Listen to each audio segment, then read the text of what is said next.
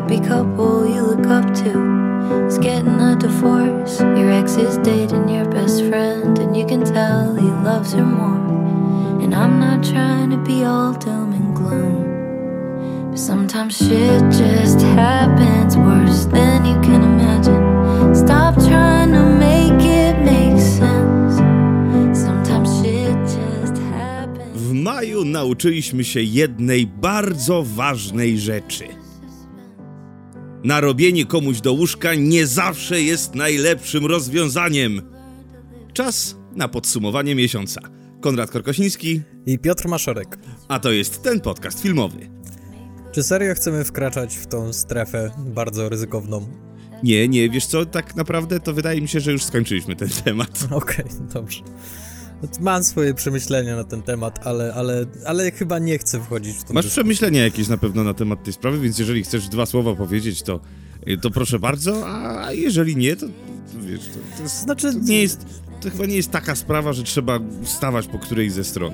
To znaczy, tu nawet nie chodzi o stawanie, o, o po której ze stron bardziej mnie fascynuje to, w jaki sposób ten proces eksplodował w naszej kulturze i jak stał się jednym z najważniejszych wydarzeń tego roku. I jest to trochę przerażające z jednej strony, i, ale jednocześnie też cholernie rozrywkowe. No nie ukrywam, że tam sam też kilka naście klipów z tego procesu y, oglądałem z wypiekami na twarzy i była to naprawdę rozrywka najniższych lotów, ale rozrywka mimo wszystko. Ale to jakby ten cały mechanizm tej dyskusji, tej dyskusji to dużo powiedziane, że na temat tego procesu w mediach społecznościowych i tego, jak wszyscy brali strony jednej albo drugiej i jak bardzo łatwo było zmanipulować opinią publiczną przy tym procesie, no to, to, to, to mnie bardziej intryguje i trochę przeraża. No tak, no i jakby nie patrzeć, są to osoby dosyć popularne. Jedna zdecydowanie bardziej popularna i będąca na rynku filmowym, dłuż, no filmowym i muzycznym, dłużej niż ta druga. Oczywiście mówimy tutaj o Johnem Deppie i Amber Heard, bo chyba o tym nie powiedzieliśmy jeszcze. Ale chyba nie ma osoby, która nawet nie interesując się tym tematem nie wiedziałaby, że taka sytuacja miała miejsce. Aczkolwiek, no był to proces dosyć istotny z tego powodu, że tutaj przegrany wypada z zawodu trochę, nie? Ja bym nie, aż tak daleko nie szedł, ponieważ Mel Gibson też już wypadł z zawodu, a mimo wszystko No. dalej w tym zawodzie jest. No tak, tylko że wiesz, jeżeli zrobiłeś coś bebe bubu i to wyszło na jaw w czasie, kiedy to nie było takie, y, takie napiętnowane, to nic nie szkodzi. To mogłeś poklepać po głowie, przeprosić i wrócić do roboty. W tym wypadku, jeżeli sprawa już naprawdę nabrała takiego rozpędu, sprawa Mela Gibsona chyba nie była aż tak bardzo ciekawa i że cały świat zasiadał przed No odbiorniki. przede wszystkim nie była telewizowana e, i nie była kręcona na dwie kamery, e, co też jest ewenementem, ponieważ zazwyczaj tego typu sprawy sądowe, jeśli już się pojawia jakaś rejestracja, to jest raczej z jednej nudnej kamery, natomiast tutaj pozwolono na, nie wiem czy dwie, czy nawet więcej tych kamer tam nie Oj, było. więcej, więcej. Czyli to dało możliwość do montażu filmowego i do zrobienia z tego prawdziwego reality show, w którym mogłeś obserwować reakcje na niektóre informacje, i, i, i, a przez to, że mogłeś to obserwować, to też później dało dużo możliwości do manipulowania tym materiałem i przede wszystkim manipulowania naszymi emocjami, naszymi reakcjami na to. Dokładnie tak, no i nie oszukujmy się, ten proces też stworzył kilku nowych bohaterów. Mamy taką Kamilę Vasquez, czyli prawniczkę Johnego Deppa, którą świat się zachwycił po prostu. Już nawet spekulowano, czy nie mają romansu. Ale przy takich sytuacjach wiadomo, że to będzie żyło, działało. Werdykt został ogłoszony. Amber Heard przegrała y, wytoczoną sprawę przez Johnego Deppa o zniesławienie i musi mu zapłacić 15 milionów dolarów odszkodowania. To nie jest koniec tej historii, ponieważ tak naprawdę to jest mecz, w którym w chwili obecnej jest 1-1, ponieważ Amber Heard wygrała sprawę w Londynie jakiś czas temu e, i, i jeśli dobrze pamiętam, to Johnny Depp tam został e, uznany winnym znęcania się e, psychicznego i fizycznego nad Amber Heard. Teraz wygrał Johnny Depp i ja jestem pewien, że to nie jest koniec tej sprawy i no, zwłaszcza, że wiecie, no, żyjemy... Żyjemy w epoce mitu, post-mitu, e, czyli nie wierzę, że sprawa, w której pojawił się temat znęcania e, fizycznego nad kobietą, zostanie po prostu tak przemilczane. Oczywiście jest też ta druga strona medalu, że też było znęcanie się nad facetem, czyli to już w ogóle otwiera kolejną, kolejną kieszonkę pełną gówna, za przeproszeniem. O, jak ty to ładnie spuentowałeś. Tak, jeżeli nie każdy zrozumiał mój wstęp, no to są elementy, które zostaną w pamięci wielu z nas długo, długo, długo. Nie będziemy pamiętali o co tak naprawdę się bili, ale będziemy pamiętali o niektórych elementach, które zostały wyciągnięte podczas tego procesu. Nieważne. Wydarzyło się, sprawa się zakończyła. Ten etap tej sprawy się zakończył. Pewnie niedługo będziemy świadkami kolejnych elementów. Y, to, czego możemy być pewni, to to, że no, opinia publiczna bardzo szybko będzie informowała o tych wszystkich aktualizacjach, ale spotykamy się tutaj dzisiaj po to, żeby porozmawiać sobie o mijającym już miesiącu, czyli o maju i co udało nam się w tym jakże półsłoneczno-deszczowym maju obejrzeć. Tak, ja muszę przyznać, że u mnie jest bardzo cieniutko w tym odcinku, ponieważ mam zaledwie dwie pozycje, o których chciałbym tutaj porozmawiać. Jedna jest całkiem oczywista, jak zapewne się domyślacie, natomiast druga to jest taka polecajka, którą bardzo chciałbym zrobić z serwisu streamingowego. I muszę przyznać, że jak cały ten maj był raczej przeciętny, jeśli chodzi o oglądajła, e, to ostatni weekend maja to było coś. To było naprawdę imponujący weekend. Czego tam, co tam się nie wydarzyło w ten weekend? To prawda, choć nie zgodzę się, gdyż no, w tym miesiącu yy, wychodziło. Yy, ale zaraz o tym będę mówił, więc spokojnie. Ja też rzeczywiście nie mam za dużo, ale kochani, nie każdy odcinek, nie każde podsumowanie miesiąca musi trwać półtorej godziny, czasem to może być krótszy odcinek, no bo nie jesteśmy z gumy, no nie jesteśmy się w stanie rozciągnąć tak, żeby y, móc obejrzeć tyle, żeby za każdym razem przyjść do was z jakimiś ciekawymi nowościami albo z jakimiś dużymi, fajnymi zaległościami, o których chcemy wam powiedzieć. No więc co, jako że ja mam więcej trochę tych tytułów, ponieważ mam sumarycznie cztery, z czego jeden pokrywa się z Piotrem i o tym na pewno porozmawiamy sobie dłużej. Więc pytanie, czy chcemy zacząć od tego, czy ja najpierw sobie powiem pokrótce o moich dwóch typach i potem przejdziemy już do, do dłuższej części. Może miejmy z głowy y, to, Dobrze. o czym wszyscy rozmawiają w chwili obecnej. Oczywiście tak. No więc kochani, no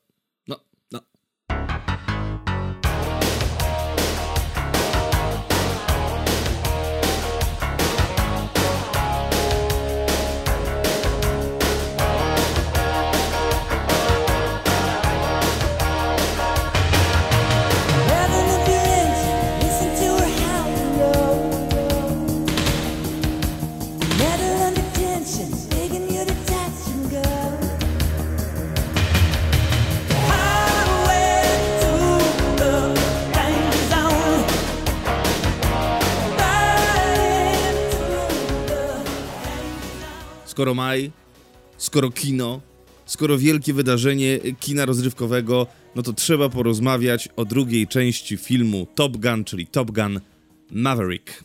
Po 36 latach Tom Cruise powrócił do roli, która go stworzyła tak naprawdę. To była pierwsza jego taka przełomowa rola, z którą wzbił się na wyżyny blockbusterów tak naprawdę, ponieważ wcześniej oczywiście był taką młodą gniazdką, gwiazdką bardzo, bardzo przystojną, która, która, do której nastolatki wzdychały, ale to właśnie Top Gun uczynił z niego ikonę kina akcji.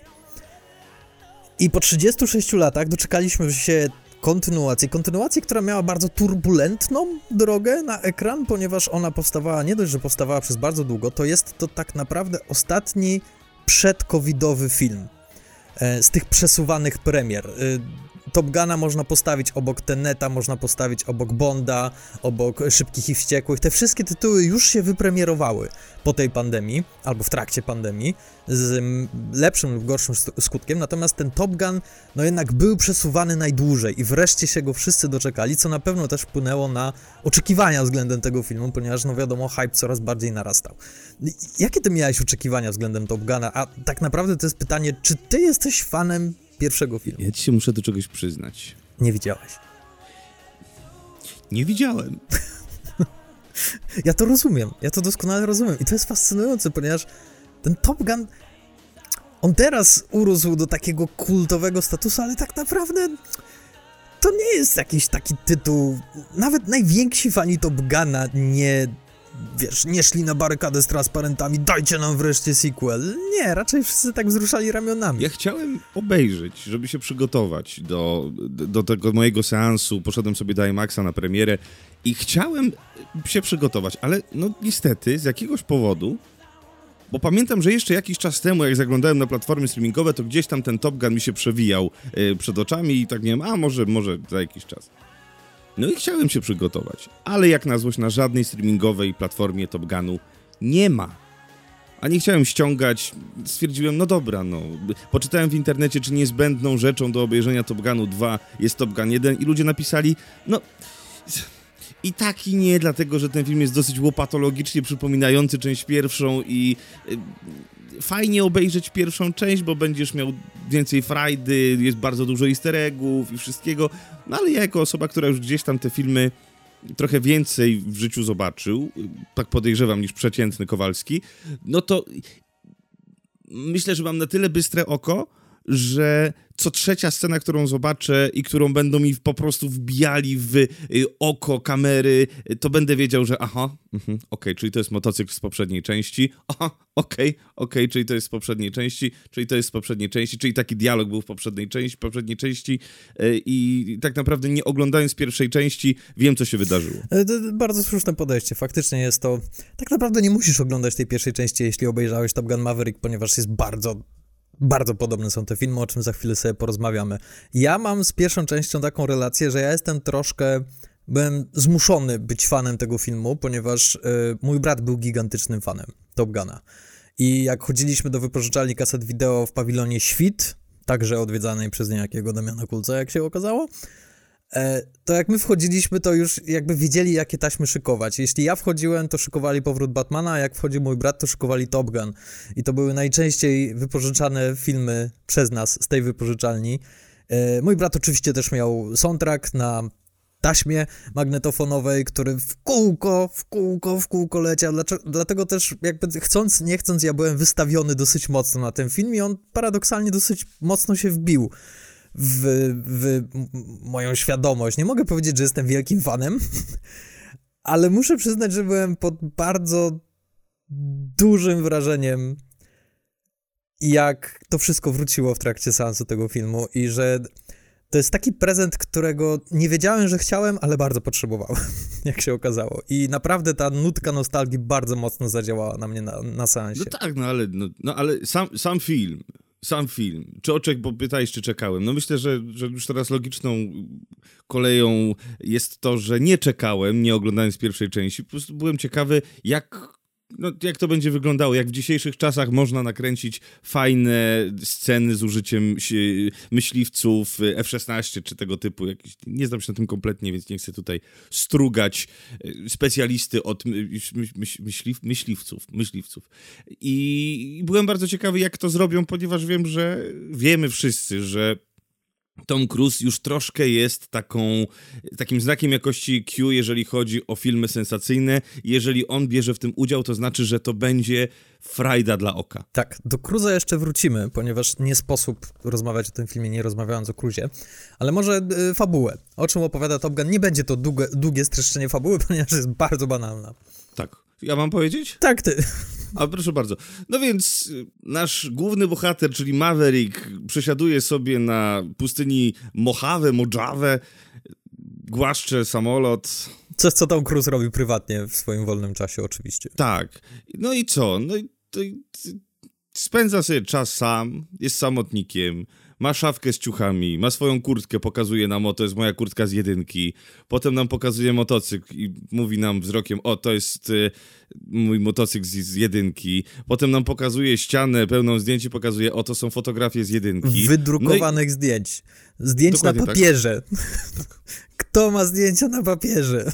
Tom Cruise, ty old school. Dokładnie tak. No, po czym dostajemy informację, że o, proszę się zgłosić do naszego miejsca, gdzie stacjonują te samoloty bo potrzebujemy cię. No i on tam leci w to miejsce, jedzie na tym swoim motocyklu fantastycznym i dowiaduje się, że będzie znowu mógł służyć w swojej ukochanej jednostce y, samolotowej. Jak się okazuje, nie do końca, ponieważ nie będzie, nie zatrudnili go po to, nie poprosili go o powrót z, z tej okazji, że on ma latać, tylko po to, żeby został nauczycielem, szkoleniowcem, ponieważ mają do wykonania bardzo trudną misję, czyli zniszczyć jakiś reaktor, zanim on w ogóle dojdzie do funkcjonowania no, ale misja jest na tyle niebezpieczna i trudna, że ściągają najzdolniejszych, jak oni się nazywają, pilotów, o, najzdolniejszych pilotów z całych Stanów Zjednoczonych. To jest taka młodzież, creme de la creme y, pilotów ze Stanów Zjednoczonych. No i właśnie ten Tom Cruise, czyli Maverick, który osiągał rzeczy dla normalnych pilotów nieosiągalne,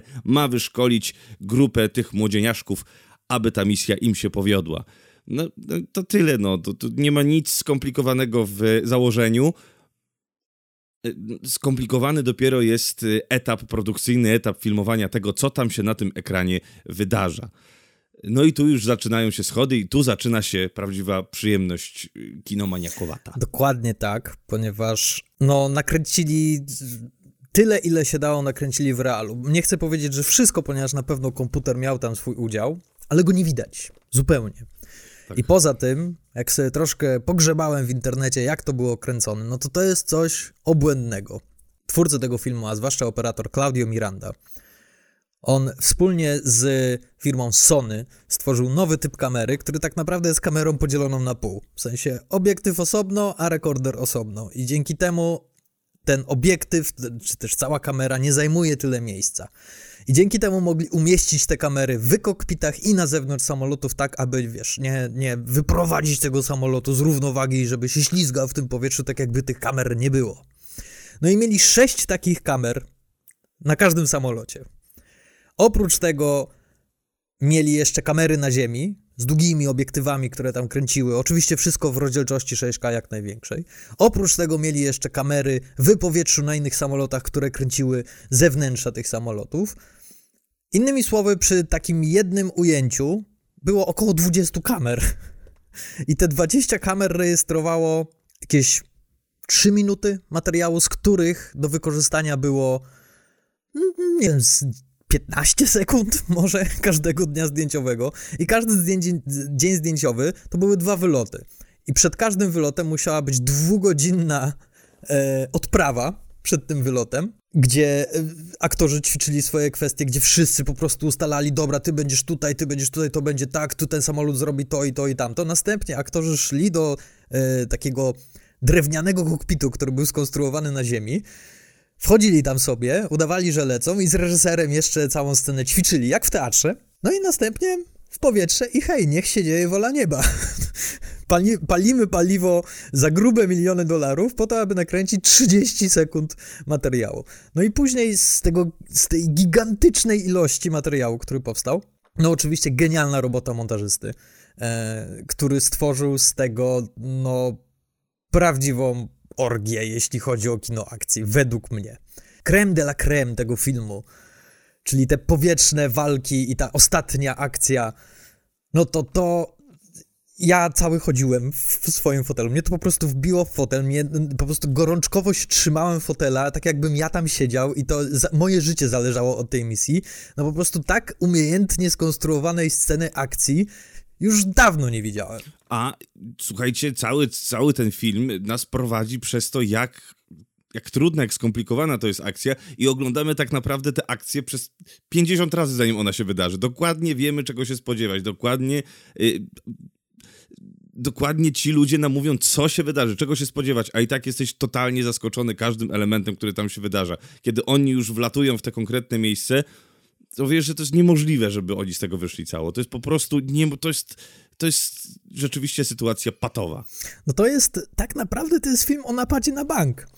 Tak, tak, to jest hajstowy film. Tak, który przez, przez półtorej godziny tego filmu, tak jak mówisz, w kółko ci powtarzają, jaki jest plan, co może nie wyjść, na czym musimy, na co musimy zwracać uwagę, co musimy dopieszyć, jak to musi być bardzo perfekcyjne. I faktycznie oni nam dosłownie pokazują animację 3D e, tej całej misji, żebyśmy wiedzieli dokładnie, jak to ma wyglądać, jakie są zagrożenia. No i efekt tego jest taki, że jak już oglądamy tą scenę napadu na bank, no to faktycznie siedzimy jak na szpilkach, ponieważ znamy stawki, dokładnie to, co mówisz. Ta ostatnia akcja tego filmu, ona opiera się na tym, że muszą lecieć z bardzo dużą prędkością przez bardzo wąski kanion. Nie dać się zestrzelić ani przez rakietę, ani przez y, wrogie piwce. Następnie muszą trafić torpedą w bardzo wąski otwór i wysadzić wszystko w powietrze. Brzmi znajomo? Tak, e, Star Wars. Dokładnie. To jest, to jest szturm na Gwiazdę Śmierci z Nowej Nadziei. Tak, mało tego, nawet dokładnie w ten sam sposób, no prawie w ten sam sposób, psują się, psuje się aparatura. Ale to już jest kwestia... Tak, i też jest, że użyj y, uczuć, a nie rozumu i, i tak dalej, i tak dalej. Oprócz tego jest to też film, y, który bardzo gęsto korzysta z takich schematów e, kina szkolnego, Mhm. W sensie niegrzeczny nauczyciel, który nie gra według reguł, musi nauczyć bardzo zdolnych młodych ludzi, jak zrobić coś niewykonalnego. Czyli w Stowarzyszeniu Umarłych Poetów była scena, jak Robin Williams kazał wydzierać całe strony z podręcznika. W tym filmie Tom Cruise zaczyna swoje lekcje od tego, że wyrzuca podręcznik do kosza. Taki bardzo sztampowy chwyt tego typu filmów. Dokładnie. No i oczywiście to, co już powiedziałeś, że ten film zżyna całą swoją konstrukcję z pierwszego Top Guna. E, napisy początkowe to są jeden do jednego napisy początkowe oryginalnego Top Guna. Teraz się mówi o tym, co jest nie tak z, ze współczesnym kinem, to najczęściej mówi się, a, bo to franczyzy i, i wszystko musi być sequelem, prequelem, albo teraz bardzo modne requele, wszystko żeruje na nostalgii i tak dalej, i tak dalej. Top Gun tym wszystkim jest. To jest no może z wyjątkiem tej franczyzy, bo tak jak powiedzieliśmy, że to nie jest jakaś bardzo popularna franczyza, sprzed 36 lat jeden film, ale żeruje bardzo na nostalgii. To jest requel, czyli z jednej strony kontynuacja, z drugiej strony remake e, oryginału, powielający te same schematy i w związku z tym moje pytanie brzmi, co oni zrobili dobrze? Ponieważ nie wiem, jak to było u ciebie, ale jak ja wychodziłem z kina, to miałem gigantyczny uśmiech na twarzy i jak się rozglądałem, to wszyscy ludzie mieli taki sam uśmiech. Ludzie wychodzili szczęśliwi z tego filmu. No, ja byłem, słuchaj, pierwszego dnia, byłem w piątek, w czwartek chyba była premiera, ja byłem w czwartek na tym filmie i w IMAXie na tym filmie o godzinie dokładnie 16.20 zaczynała się, zaczynał się film jakieś 60% to były osoby po 50. Mhm. I zerkałem sobie na te osoby i to było po prostu ojejku, ojejku, to są, są moi bohaterowie, bohaterowie mojego dzieciństwa. I widać było tę frajdę mhm. na ich oczach. Ten film ma serce. Ten film ma kupę serca. Widać frajdę z pracy nad tym filmem. Ale jednocześnie też ten film nie ma cynizmu w sobie. Za grosz nie masz wrażenia, że to jest ym, takie korporacyjne, niecne wykorzystywanie naszego, naszej nostalgii i naszego właśnie dzieciństwa do tego, aby wydoić z nas trochę więcej pieniędzy i oto utworzyć nową, wielką franczyzę, w której będziemy teraz dostawali Top Gun 3, Top Gun 4, Top Gun 5, serial Top Gun, małe Mavericki i czego tam jeszcze nie wymyślą. Druga rzecz, no to jest to, co powiedzieliśmy, to nie jest komputerowy film, to jest film nakręcony w realu, to jest film, w którym możesz się pozachwycać, jak pięknie wyglądają samoloty na, startujące z lotniskowca o wschodzie słońca. Jakie to jest Jakie to robi wrażenie gigantyczne. Dokładnie tak. Oczywiście, jeżeli chodzi o relacje, to już jest tam kwestia, wiecie, drugorzędna, one są proste one są to, są, to są klisze, już wytarte. One tutaj działają, bo one są bardzo dobrze podprowadzone, bardzo dobrze zagrane. Y, Tom Cruise to jest bardzo dobry aktor do tego typu produkcji. On się sprawdza, to jest człowiek maszyna. Jak ma coś takiego zagrać, to po prostu to robi. Jest perfekcyjny w tych wszystkich rzeczach. Nie można powiedzieć, żeby to było wybitne, dramatyczne aktorstwo. No, bo, bo nie ale do tego typu gatunku jest fantastyczny. Relacja z Milesem Tellerem prosta, wiadomo czego się spodziewać po tej relacji, ale ona działa. John Hamm jako taki, wiesz, y, nad, jak, jak wyż, wyższy stopniem, jakiś, nie wiem, kim on tam jest, czy jakimś generałem, czy kimś, kto decyduje o losie e, Toma Cruza w tej jednostce, to też jest klisza. E, no, ale jest jeszcze jedna osoba, której trzeba wspomnieć, mówiąc o tym filmie. Jak, tak jak mówię, ja Top Guna jedynki nie widziałem, no ale e, na, na tym się opierała jakby pierwsza część, nie? Na relacji Toma Cruza, czyli Mavericka i na relacji Icemana, czyli Wala Kilmera. To było jakby Nemezis, jego, mhm. znaczy Nemezis, no. E, no rywal, największy który, rywal który, tak, e, w tej szkole e, Top Gun. E, no i w tej części wszyscy wiemy, no, jaki los spotkał Wala Kilmera, czyli ciężka choroba, już sobie co prawda z tą chorobą poradził, ta, ta choroba już go nie dotyka, ale efekty tej choroby dalej są na nim widoczne Val Kilmer nie mówi. Stracił głos, miał raka krtani, jest po kilku zabiegach, w tym tracheotomia i nie mówi. No ale postawił sobie za punkt honoru, że on w tym filmie chce wystąpić. I zasypywał produkcję listami, że chce, on bardzo potrzebuje. No, niestety z tym głosem nie było najlepiej. No, to to nie, nie jest jakaś taka sytuacja, która, która jest. No, nie stawia cię w dobrej pozycji do, do negocjacji, jeżeli jesteś aktorem, który nie może mówić. No, wiadomo, że możesz pojawić się jako easter egg i fajnie, że przejdziesz gdzieś tam z tyłu, y, czy będzie twoja fotografia postawiona na stole. Okej, okay. on chciał w tym filmie zagrać. Chciał mieć tam jakąś ważną rolę. No i skontaktował się z taką firmą, nie pamiętam jak ta firma się teraz nazywa, to jest nieistotne, choć być może jest istotne, ale no, na razie dla historii e, ominę. Skontaktował się z e, firmą, która zaproponowała mu takie wyjście, że zbiorą jego głos ze wszystkich tam produkcji, które były dostępne i ten głos z każdego wywiadu, jakiś tam skompilują, zbiorą go do kupy i stworzą taką sztuczną inteligencję, która będzie posługiwała się jego głosem. Czyli te dialogi, które on będzie gdzieś tam e, wpisywał w komputer, czy e, e, jakaś osoba będzie wpisywała w komputer, to jego słowami to będzie przetwarzane i będzie z intencją, mówione. I rzeczywiście, słuchajcie, to zostało wykorzystane w tym filmie. Może to jest taki mikrospoiler, ale znaczy, to jest coś kującego w ucho.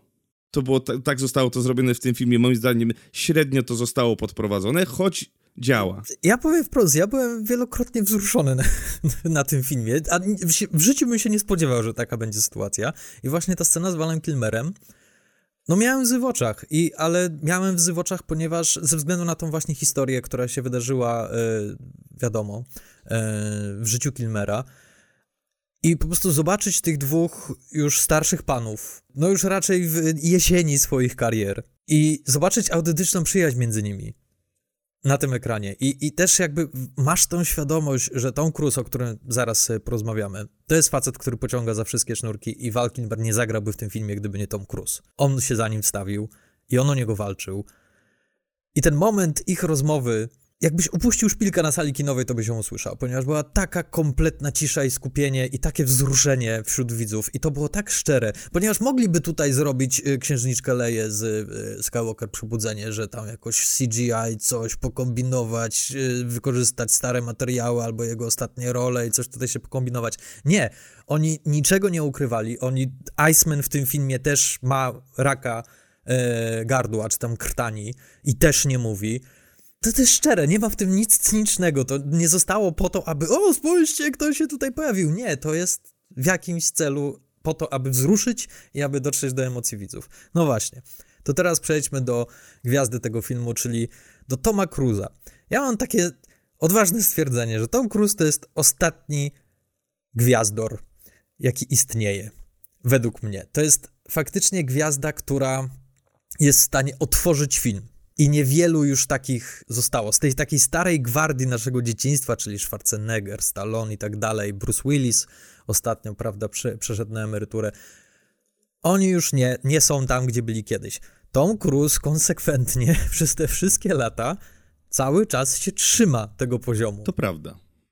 I trzyma się naprawdę dobrze. I nawet ha, byłbym w stanie zaryzykować dosyć śmiałe stwierdzenie, że że on jest coraz lepszy. On naprawdę staje się niezłym aktorem. Już tak przyjemnie się na niego patrzy. Bo w tych wcześniejszych częściach, te wszystkie Mission Impossible, jedynka, dwójka, trójka, to są obiektywnie dobre filmy, ale on tam jest pusty.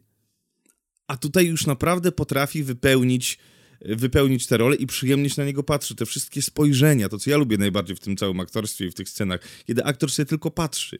On tu tak pięknie patrzy. Jak on patrzy przecież na tego syna e, Gusa, czyli Roostera Milesa Tellera, no to kurde.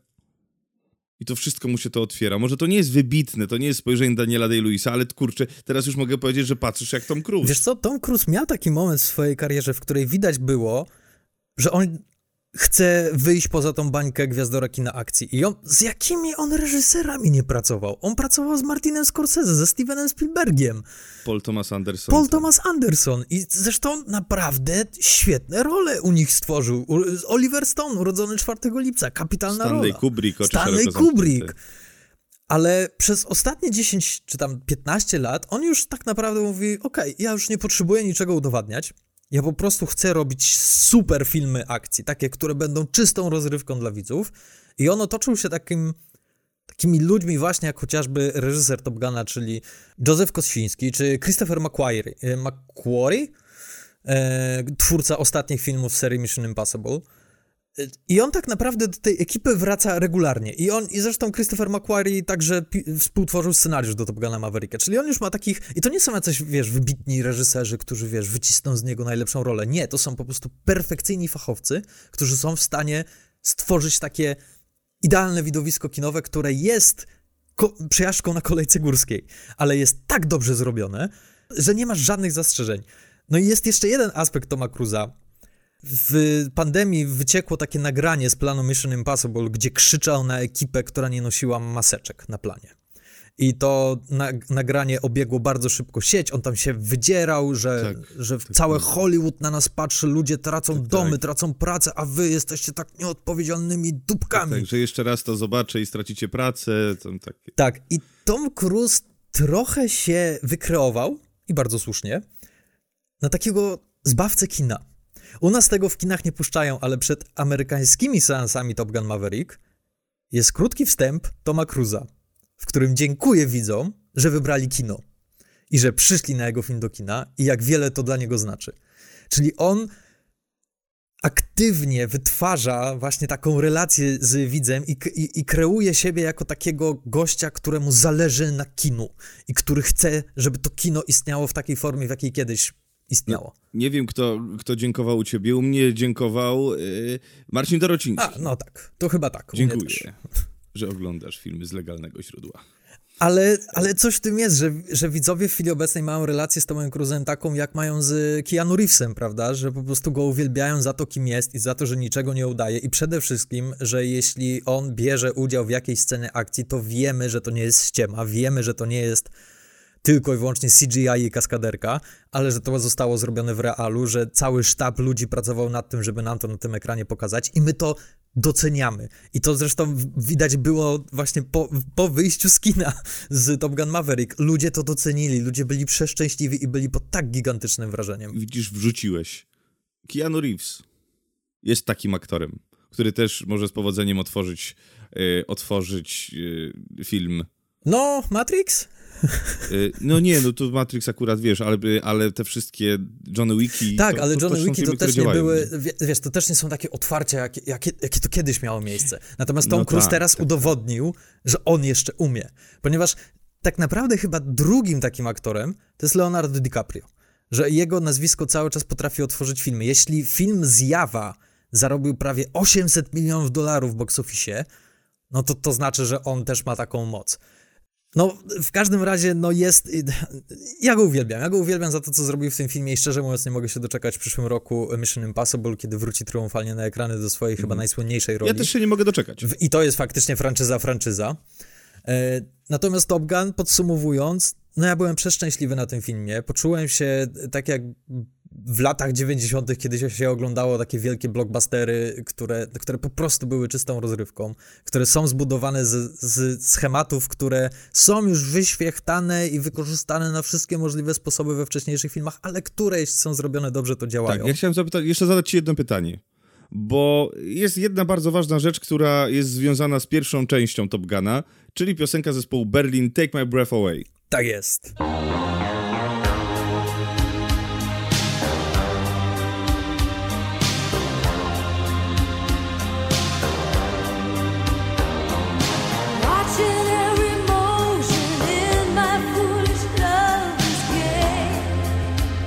I to jest piosenka, która działa, która funkcjonuje i którą już zawsze będziemy kojarzyli z, z filmem Top Gun. Nawet ja nie oglądając filmu Top Gun, znam tę piosenkę, wiem skąd ona pochodzi. Mhm. Lady Gaga, Hold My Hand. To jest piosenka, którą usłyszałem i zapomniałem. Ja tak samo. Zgadzam się, byłem tutaj trochę rozczarowany, chociaż jak usłyszałem, że Lady Gaga będzie robiła nowe Take My Breath Away, no to się bardzo podjarałem. No niestety to nie do końca wyszło, ale nie przeszkadzało mi to w ogóle. No zresztą Lady Gaga jest pisana jako współautorka muzyki razem z Hansem Zimmerem. Tak, tak. E, ale tak, myślę, że gdyby wykorzystali oryginalny utwór, to, to jeszcze bardziej wycisnęliby tą nostalgię z nas i, i, i, i on by naprawdę dobrze zadziałał w tym filmie, jakby się On się tam pojawia chyba gdzieś, czy nie? Nie, Czy ja nie. tylko miałem wrażenie, że coś nie, jest na... A może coś po- było na podstawie tego? Pojawia się tylko ten motyw właśnie skomponowany przez Lady Gaga. Okej, okej.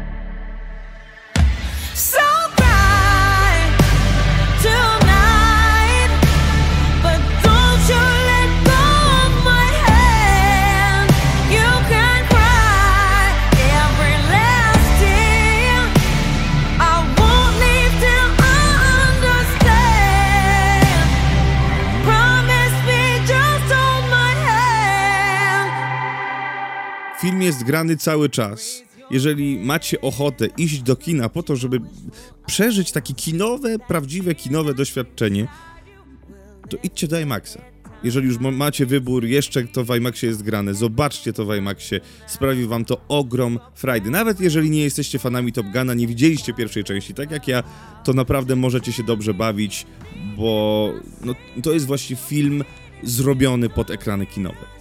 Dokładnie, pod jak największe ekrany kinowe. Zresztą ten film był kręcony y, właśnie w formacie IMAX, czyli tam ta pełna klatka IMAXowa jest w pełni wykorzystana. No to teraz słuchajcie, ja szybciuteńko, Dobrze. szybciuteńko naprawdę, e, opowiem wam o, o takim filmie, e, Ludzie w moim wieku, albo tam w wieku Maszora, czyli te okolice lat urodzonych między 80 końcówka lat 80., Dziękuję. lata 90. Już się bałem, że poprzestaniesz. Załapały się na taki fenomen, jak MTV, jak początek MTV. Takiego, e, tylko mówię o takim MTV już idącym nie tylko w muzykę, ale też w programy rozrywkowe, które były dosyć specyficzne. Nawet bym zaryzykował takie określenie, że ówczesne MTV no to jest coś, czego nawet dzisiaj YouTube by nie puścił. To były takie formaty, które no, rodzice zabraniali tego oglądać, bo, bo wykraczało to poza wszelkie normy i było to tak cringe'owe i tak dziwne, że potrafiło zaszczepić w e, umyśle młodego dziecka naprawdę głupie pomysły. I jednym z takich, jedną z takich produkcji, chyba jedną z pierwszych w ogóle, był Jackass. Czym Jackass jest? Podejrzewam, że słowo Jackass już tak weszło, weszło do, do popkultury, mm, że każdy będzie wiedział, no ale pokrótce wam powiem. Była to zbieranina ludzi, e, prowadzący, główny, e, kre, kre, osoba, która wy, wymyśliła Jackassa, to jest Johnny Knoxville. No i to jest grupa ludzi, która dla przyjemności, dla frajdy robi sobie krzywdę w najróżniejsze sposoby. Naprawdę najróżniejsze. I w tych latach, bo to było między 2000 a dwa, dwa, między 2000 a 2002 na MTV, potem były jakieś spin-offy przeróżne typu, nie wiem, jakiś Wild Boys, Viva la Bam yy, i przeróżne rzeczy z ludźmi, którzy od, odłamali się od, tego, od tej głównej grupy, a potem chłopaki poszli w, długometra, w długie metraże, jak wiecie, 4,5, nie wiem ile tam tych filmów było pośrednich, jakieś 1, 2, 2,5, 2, 1 trzecia. Ciężko im powiedzieć, to jest nieistotne. Ostatecznie stwierdzili, że fajnie do tego wrócić po wielu latach, bo tam minęła chyba ponad dekada, jak nie ze dwie dekady. No i tak stwierdzili, że, że zrobią taki film. Nazywać to Jackass 4,5 i jest dostępny na Netflixie. Też żyjemy w takich czasach, że ciężko y, już kogoś zaskoczyć. No i muszę wam powiedzieć, ja to obejrzałem tylko dlatego, żebyście wy nie musieli. I co wam mogę powiedzieć? Nie oglądajcie tego. Ja już zapomniałem, jak straszne to jest. I zastanawiam się, wiem, że no, są przeróżne osoby i przeróżne osoby różne rzeczy bawią. I ciężko mnie jest decydować za was, co jest dla was rozrywką. E, ale, bo ja też zapamiętałem tego Jackasa, jak, Jackasa jako coś rozrywkowego. To jest tak bardzo nierozrywkowe, to jest straszne, co oni robią ze swoimi przyrodzeniami, co, co w ogóle wlewają sobie w odbyty ostre sosy jakieś przeróżne rzeczy takie straszne, że ci ludzie sobie prawie odrywają worki mosznowe. Mosznowe? Nimom. Wow. No, no i to, to właśnie jest takie straszne, no. E, także to tak pokrótce. Jackass 4,5 jeżeli nie jesteście wielkimi fanami serii, nie macie koszulki z napisem Jackass, nie oglądajcie, szkoda waszego życia, szkoda waszego czasu. Jest to coś tak obrzydliwego i przykrego do oglądania, że nie polecam. Ale za to przejdę do drugiej rzeczy. Też z platformy streamingowej. Nazywa się to Ricky Gervais Supernature i to jest drugi stand-up zakontraktowany Rickiego Gervaisa. Będzie jeszcze co najmniej jeden dla platformy Netflix. Pierwszy, czyli Humanity to jest jedna z lepszych rzeczy, jakie w ogóle są na platformie Netflix. E, no i muszę powiedzieć, że ta druga część, ona, ona jest bardzo dobra. Bo Ricky Gervais jest świetny. Ricky'ego Gervaisa możecie znać e, przynajmniej z takich rzeczy jak twórca The Office brytyjskiego. Też grał tam, ale potem on jest jakby was, zarządza e, zarządza franczyzą, którą jest The Office. Jemu trzeba zapłacić i Stevenowi Merchantowi za to, że ktoś będzie chciał z tego formatu korzystać, ale też statyści, e, czy nie statyści, tylko e, to się nazywa extras, to chyba po polsku jest statyści. Chyba tak. E, tak, Life's Too Short. No to jest facet z wybitnym poczuciem humoru. No i zrobił rzeczywiście ten drugi, drugi zakontraktowany stand-up dla Netflixa. Bardzo udany poruszający bardzo ważne rzeczy, czym jest komedia, yy, no i rzeczy, które dzieją się, dzieją się na bieżąco. On jest tak trafny i to jest, to jest chyba jedyna taka osoba, już więcej takiej nie ma, która ma, która ma jaja, żeby żartować sobie absolutnie ze wszystkiego. Już wszyscy się boją, wszyscy się boją tej, tej chorej poprawności. Nie ma drugiego komika, który tak trafnie, tak grubo by w to wszystko szedł, bo jego to nie obchodzi. On zawsze się zasłoni tym, czym jest komedia. Zresztą też i Supernature, jak i Humanity, czyli ten pierwszy e, stand-up, opowiada też o tym, czym jest komedia i jak bardzo trzeba rozgraniczyć te rzeczy, y, żeby nie brać tak wszystkiego do siebie, bo dlaczego masz brać do siebie dowcip? To jest dowcip. Więc trzeba szukać dystansu. Jeżeli chcecie zobaczyć coś fantastycznego, jest, jeżeli nie jesteście fanami stand-upu, ale lubicie się pośmiać, włączcie Rickiego Gervaisa, te dwa stand-upy, lepszy pierwszy Humanity, e, ale ten troszkę półeczkę niżej, ale jest też fantastyczny. No, no, ubawiłem się bardzo, bardzo i też wam tego życzę. Usiądźcie sobie z Rickiem Gervaisem, otwórzcie sobie puszkę piwa i bawcie się tak Ricky Gervais bardzo dobry. A, a, jeśli nie macie czasu spędzić z nim trochę więcej czasu, to polecam też jego konto twitterowe, bo wystarczy poczytać niektóre jego tweety i można zrywać boki ze śmiechu, czyli... Ja jeszcze jedną rzecz chcę tylko powiedzieć, chociaż nie powinienem, tylko wam powiem, że y, skończyła się pierwsza część ostatniego sezonu Better Call Saul, i miałem dzisiaj parę słów o tym powiedzieć, ale postanowiłem, że kurde, Netflix, jak już mi dacie całość, koniec powinna być koło 15-16 sierpnia, wypremieruje się finałowy odcinek tej serii. Komuś obiecałem z naszych słuchaczy, bo zapytał, czy w tym odcinku porozmawiamy o Better Call Saul. Powiedziałem, że tak. Otóż mam nadzieję, że ta ilość informacji, którą przekazałem, ci się satysfakcjonuje. Wow, naprawdę, zostawiasz takie chłapy. Okruszki. Nie, no chciałem powiedzieć, chciałem powiedzieć, że chciałbym porozmawiać o całości. Rozumiem. Nie musimy robić osobnego odcinka do Better Call Saul, bo nie wiem, jaki ty masz stosunek, nie chcę cię e, e, jakby namawiać siłą, ale no, to jest rzecz kongenialna, wręcz wybitna. E, lepsza od Breaking Bad i tutaj nie ma wątpliwości, przynajmniej z mojej strony. I no i no, no, no, kończymy tę przygodę. Kończymy, zamykamy wątki. To już jest ten moment. Więc bardzo dużo się wydarzyło w, tym, w tej połowie sezonu. Już niedługo jest druga. Nie, nie nasze się nie czekają, nie każą nam czekać roku, dwóch lat na drugą część, ponieważ tak jak mówię, jest chyba dwa tygodnie przerwy czy trzy tygodnie przerwy i 15 sierpnia mamy zakończenie sezonu, odcinki co, co tydzień, więc jeszcze chwila i na, na w podsumowaniu sierpniowym opowiemy wam trochę więcej o Better Call Saul. Tak swoją drogą, jeszcze wrócimy do tego tematu w następnym naszym odcinku, ale, ale nie do końca jestem fanem tej strategii Netflix żeby dzielić w tak niecny sposób te sezony po to, aby utrzymać subskrybentów, ponieważ to jest idealnie, ponieważ y, Stranger Things też zostało tak podzielone i to jest y, idealnie podzielili tak, żeby, żebyś nie zdążył na jednym miesiącu subskrypcji obejrzeć obydwie części. Jest to trochę taki niski chwyt według mnie, żeby zatrzymać tak, tych użytkowników bandyckie zagranie po prostu. Tak, zwłaszcza, że jest to platforma, która wypłynęła na binge'u, na binge-watchingu i uniemożliwiać przy tych takich największych, najpopularniejszych produkcjach zbingowanie faktycznie całego sezonu już abstrahując od tego, że trzymają nas na brzegu fotela przez jakiś miesiąc, ponieważ chcemy wiedzieć, jak te historie się skończą, a tymczasem a nie, nie, nie, nie, musicie wykupić dodatkowy miesiąc, to mnie to po prostu wkurza i wydaje mi się, że to nie jest dobra strategia i proszę Netflix, wiem, że nas słuchasz, tak, przestań. Bo już po prostu nie będziemy y, mówić o was Dokładnie. pozytywnie. Dokładnie I oddamy tak. wam wasze pieniądze. Już nie będzie sponsorowanych odcinków. Dokładnie. I ten będzie 200 tysięcy i dwóch użytkowników mniej. No. No. Także Kurczę. jeżeli chodzi o moje typy w tym miesiącu, to jest wszystko. Ty jeszcze masz drugi. Wiem, że chodzi ci o HBO Go. Pozycją z HBO Max, o której chciałem porozmawiać i którą chciałbym serdecznie wszystkim, wszystkim polecić, jest to serial Miasto jest nasze, We Own This City. Czy ty widziałeś kiedykolwiek serial The Wire? Nie widziałem właśnie. Mam na mojej liście. Polski tytuł Prawo to jest. Prawo ulicy, właśnie, tak. Wiem, że to jest ten serial, o którym się mówi. E, jeżeli ktoś jest fanem seriali, to zawsze się mówi: A widziałeś The Wire? Ach, no jeszcze. No, no właśnie. To są takie tytuły właśnie, takie jak Breaking Bad, e, Rodzina Soprano, Sześć stóp pod ziemią i właśnie The Wire. To są takie tytuły, które są wymieniane jako no, no, coś, co trzeba zobaczyć. Ja Prawo ulicy po y, po tym serialu y, Miasto jest nasze ja na pewno obejrzę.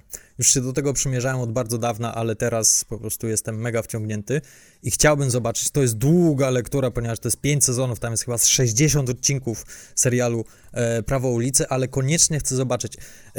To jest serial tego samego twórcy, czyli Davida Simona oraz on to robi we spółkę z George'em Pelekanosem. Y, David Simon był reporterem.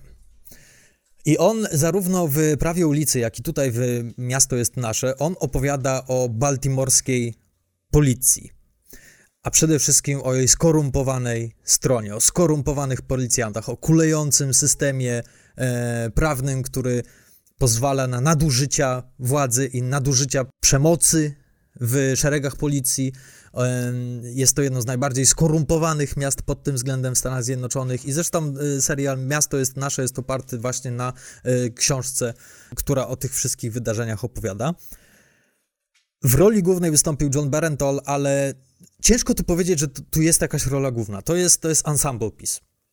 Tam jest mnóstwo bohaterów, bardzo dużo bohaterów, jest bardzo dużo różnych wątków, które się zazębiają, jest dużo skakania w chronologii czasowej, że, że, że oglądamy tak naprawdę historię, która rozgrywa się na przestrzeni dekady. E, I jak ta korupcja się rozwijała, i jak ci bohaterowie, którzy zaczęli jako dobrzy policjanci, jak oni coraz bardziej się staczają, stają się coraz bardziej skorumpowani, po to, aby podskoczyły rankingi zatrzymań i aby burmistrz mógł się pochwalić, że spójrzcie ile zatrzymań mieliśmy, jak oczyszczyliśmy ulice z bezprawia, e, to oni po prostu zatrzymują wszystkich, wszystkich. Nawet gościa, który wraca sobie po prostu do domu z pracy, albo siedzi sobie na werandzie i popija piwko po całym dniu, żeby odpocząć. I takie, tacy ludzie też są zatrzymywani tylko po to, żeby podbić sobie te statystyki i oczywiście dostać dodatkową kasę. E, mówię tutaj o policjantach. No jest to wstrząsający temat, ale on nie jest opowiedziany tandetnie, nie jest opowiedziany melodramatycznie. I to, jak ten serial jest skonstruowany i to, jak on jest nakręcony, to ja byłem pod wielkim wrażeniem. I to jest coś, co na początku może cię trochę odepchnąć od tego serialu, ponieważ teraz, jak myślimy o takiej prestiżowej telewizji, to myślimy o takich bardzo wysmakowanych wizualnie produkcjach, które po prostu wyglądają na swój budżet. Y, ty wspominałeś o rozdzieleniu, Severance. Tak. E, I to jest, to jest przykład takiego serialu, który po prostu włączysz i pierwszą minutę tego serialu i już widzisz budżet i widzisz, o wow, ale ojęcia tutaj wysmażyli. W Miasto jest nasze, tego nie ma. Miasto jest nasze mogłoby uchodzić niemalże za dokument. To jest tak rzeczywiście realistycznie przedstawione, że czujesz się kompletnie wciągnięty do tego świata. Ten, ten serial nic ci nie ułatwia. E, to skakanie po tych różnych liniach czasowych jest, niby jest sygnalizowane jakimiś tam napisami i tak dalej, ale w pewnym momencie już po prostu zaczynasz się gubić. Czyli to jest serial, który od ciebie wymaga skupienia, ale muszę cholera przyznać, że tak się cholernie w ten serial wkręciłem, nie wiem kiedy. I dla mnie osobiście rola Joe'a Barentala, czyli Punishera w tym serialu, jeśli nie posypią się na niego nagrody, to będę bardzo zdziwiony, ponieważ to jest Mistrzostwo Świata, to co ten facet tam zrobił. Zrobił taką postać, takiego skorumpowanego gliniarza, którego rozumiesz, ale którego jednocześnie nienawidzisz. I on to zrobił z taką werwą, z takim sznytem, z taką nonszalancją, że po prostu jak wchodzi na ekran, to nie możesz oderwać od niego wzroku. To jak on mówi, to jak on chodzi, to jak on trzyma się ze swoją kamizelkę, jakim jest takim urabura, a jednocześnie wiesz, że gdzieś tam jest jakieś drugie dno w nim. No to, to było dla mnie fascynujące i chociażby dla niego warto zobaczyć ten serial. Jeszcze go nie skończyłem, został mi ostatni odcinek, który obejrzę dzisiaj, ale szczerze mówiąc, bardzo wysoko ten serial oceniam, ponieważ jest to ch chyba w chwili obecnej najlepsza rzecz, jaka jest na HBO Max, jaką można zobaczyć. To jest tylko sześć odcinków i koniec. Dlatego bardzo Wam wszystkim serdecznie polecam. Dajcie temu szansę, bo naprawdę jest to coś, czego nie zobaczycie nigdzie indziej na żadnej innej platformie. No to mnie namówiłeś. No nie ma sprawy. No dobrze, no to słuchajcie, to tyle na dzisiaj. Podsumowując, idźcie na Top Guna, koniecznie. I idźcie jeszcze w tym Tak. tygodniu, ponieważ za tydzień już chodzą dinozaury! I na pewno wysiudają Mavericka z największych ekranów IMAX. Możesz mnie opluć, ale kurde, czekam na, ten osta- na tę ostatnią część Ale Jurassic. ja nie będę na ciebie pluł. Ja to rozumiem, że czekasz na tą ostatnią część. Baba, baba. Ty wiem, że tam się ślinisz do Lordern i tak. do No Jeffa tak, tak, to, to Goldbluma. rzeczywiście e, uderzyli w czuły punkt. No.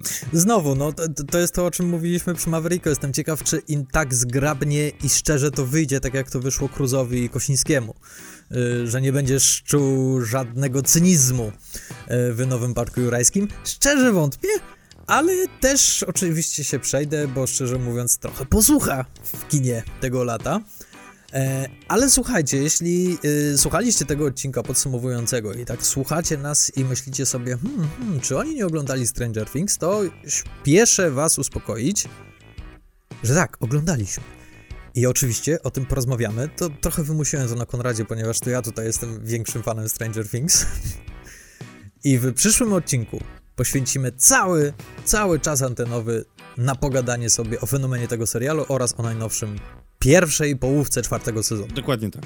Nic dodać, nic ująć. No, y, także słuchajcie, słyszymy się za tydzień i co? No, do usłyszenia. Do usłyszenia, kochani. Trzymajcie się, cześć.